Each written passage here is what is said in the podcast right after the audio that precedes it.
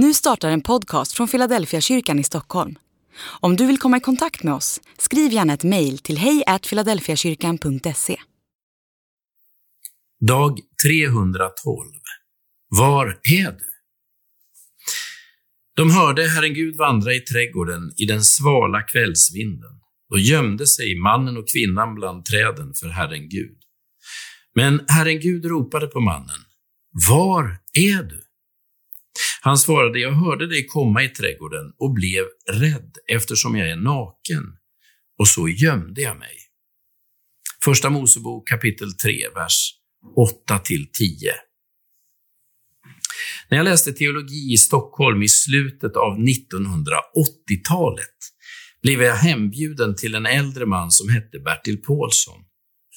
Jag var drygt 20 år och Bertil var runt 75 år. Han var en pensionerad pastor som hade arbetat mer än 40 år som evangelist med hela Sverige som arbetsfält. Han hade massor av erfarenhet av både människor och platser. Ändå ställde han frågor till mig hela tiden. Han var uppriktigt nyfiken på vem jag var, hur jag tänkte och vad jag brann för. Jag kommer aldrig att glömma mitt möte med Bertil. Hans frågor och hans genuina intresse för vad jag tänkte och tyckte, det var som balsam för själen.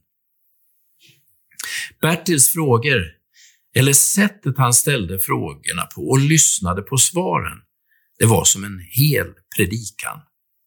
Jag kände mig sedd och bekräftad. Hans frågor gjorde att jag kände mig betydelsefull, på riktigt. Men de gjorde också att jag själv blev mer lyhörd. Ju mer Bertil frågade, desto mer nyfiken blev jag på vem han var. Där och då lärde jag mig hur viktigt det är att ställa frågor och att verkligen vara intresserad av svaren. Gud är som Bertil. När han söker efter Adam och Eva efter syndafallet ställer han en fråga. Var är du? Gud vet naturligtvis var Adam och Eva är. Han vet också vad som har hänt. Ändå frågar Gud. Frågor har en förunderlig förmåga att göra oss synliga och ge oss betydelse och ansvar. Du kan också använda frågor så att andra människor blir sedda och känner sig betydelsefulla.